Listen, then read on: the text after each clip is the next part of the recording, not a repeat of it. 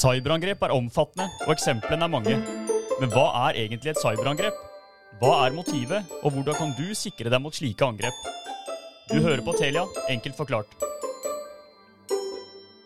For å besvare disse spørsmålene har vi fått med oss Andres Pantell, sikkerhetssjef i Telia. Velkommen i studio. Takk for det. Vi har jo lest og hørt mye om cyberangrep, også kalt dataangrep. Men André, hva er egentlig et slikt angrep? For å forstå det, så tror jeg vi må begynne med å dele opp ordet i to, i cyber og angrep. Cyber er det som beskriver eh, alt som skjer elektronisk, eller via internett. Eh, og så legger man til eh, typen aktivitet som vi ser, som f.eks. cyberangrep, cyberkrig, cybersvindel, cyberkriminalitet osv. Og bak disse angrepene, så, eller ulike aktivitetene, så ligger det jo ja, ulike formål, som f.eks. For et ransomware-angrep, eller løsepengevirus på norsk hvor eh, personen eller bedriften som blir utsatt for angrepet, får låst PC-en sin, eh, for så hvordan man eh, blir utpresset for penger for å få låst den opp igjen. Eh, og Vi har jo også andre typer angrep, som DDoS, som er et tjenestenektangrep, hvor man angriper f.eks. telia.no for å unngå at den siden er oppe og går, eller det kan være en regjeringens sin side, som man ikke ønsker å, at f.eks. regjeringen skal få delt informasjon til befolkningen til alt ja, phishing-angrep for å få hentet ut informasjon, eh, spoofing, wangiri osv. Men er det sånn at eh, alle kan oppleve dette? Jeg vil si at svaret der er eh, ja. Det kommer jo helt an på hva slags type angrep det er, og det kan være ulike motiver til, til ja, hvorfor man gjennomfører disse angrepene. Men hva er egentlig motivet bak et slikt angrep? Det varierer. Eh, vi kan jo begynne med alt fra eh, hackerne på et eh, gutterom som er ute etter status i miljøet, til kriminelle, både enkeltpersoner og, og, og organiserte kriminelle, som er etter, ute etter økonomisk vinning. Så kan vi være politisk motiverte hackere, sånne hacktivister, som har et motiv, om det er miljø eller hva nå enn det er som bruker dette til formål for å oppnå sine eh, mål. Så har du også da spionasje og sabotasje, som eh, mer statlige eh, aktører står bak. Eh, hvor man ønsker å gå inn og påvirke en lands infrastruktur, f.eks. Har du noen konkrete eksempler du kan nevne her?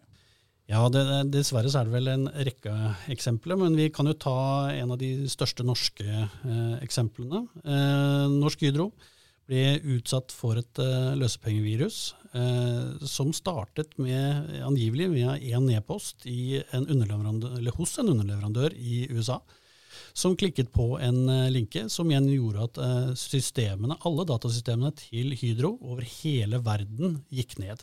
Så det betydde at de måtte gå tilbake til penn og papir, og totalt sett så kostet dette angrepet Hydro, eller si forsikringsoppgjøret, havnet vel på ca. 800 millioner kroner. Så det, det, er ganske store summer det er snakk om. Men vi har også andre type eh, aktiviteter, som f.eks. Internet of Things, altså eh, hjemmeautomatisering. Det er jo ganske eh, et hett tema om dagen, hvor man har eh, Eh, dørlåser, styring av temperatur, og spesielt nå som strømprisene har vært veldig høye, så har det vært populært å kunne styre temperaturen på ovnene sine osv. Vi ser jo der at eh, i USA f.eks.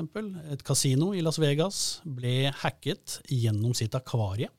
Det var da temperaturmåleren deres i akvariet som eh, var åpen, sånn at angriperne kom inn gjennom akvariet, inn på kasinosystemer og kunne stjele informasjon. Og Hvis vi tenker at dette her kan omsettes til da, eh, vårt hjem, så vil det jo være ganske mye ting man kan eh, tenke seg kan gjøre. Elektriske biler er jo ganske knyttet opp mot internett om dagen. Det er ikke utenkelig at eh, man også på den måten kan påvirke bilene. Eh, og Et eh, annet eksempel vi har sett, er jo at eh, i Ukraina før krigen også så ser man at eh, lyset i ukrainske byer blir skrudd av på visse tidspunkt, gjerne rundt juletider og høytider, som tyder jo på at det er noen som har kommet seg inn på deres eh, anlegg og kan, kan styre dette. Og det kan få ganske alvorlige konsekvenser personlig så har jeg bare strøm som oppvarming hjemme, så hvis jeg ser at da strømmen forsvinner på kaldeste tiden av året, så har jeg et problem. Og helt til slutt, Hvilke tips og råd anbefaler du til de som sitter og hører på nå?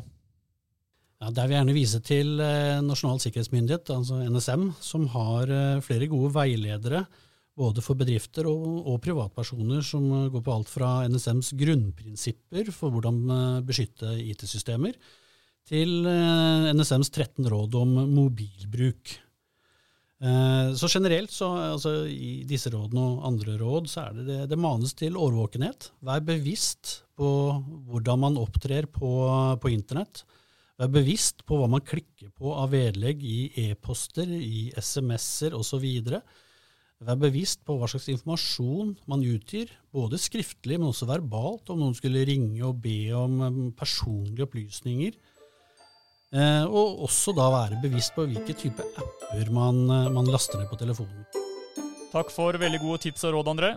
Du hørte på Telia, enkelt forklart.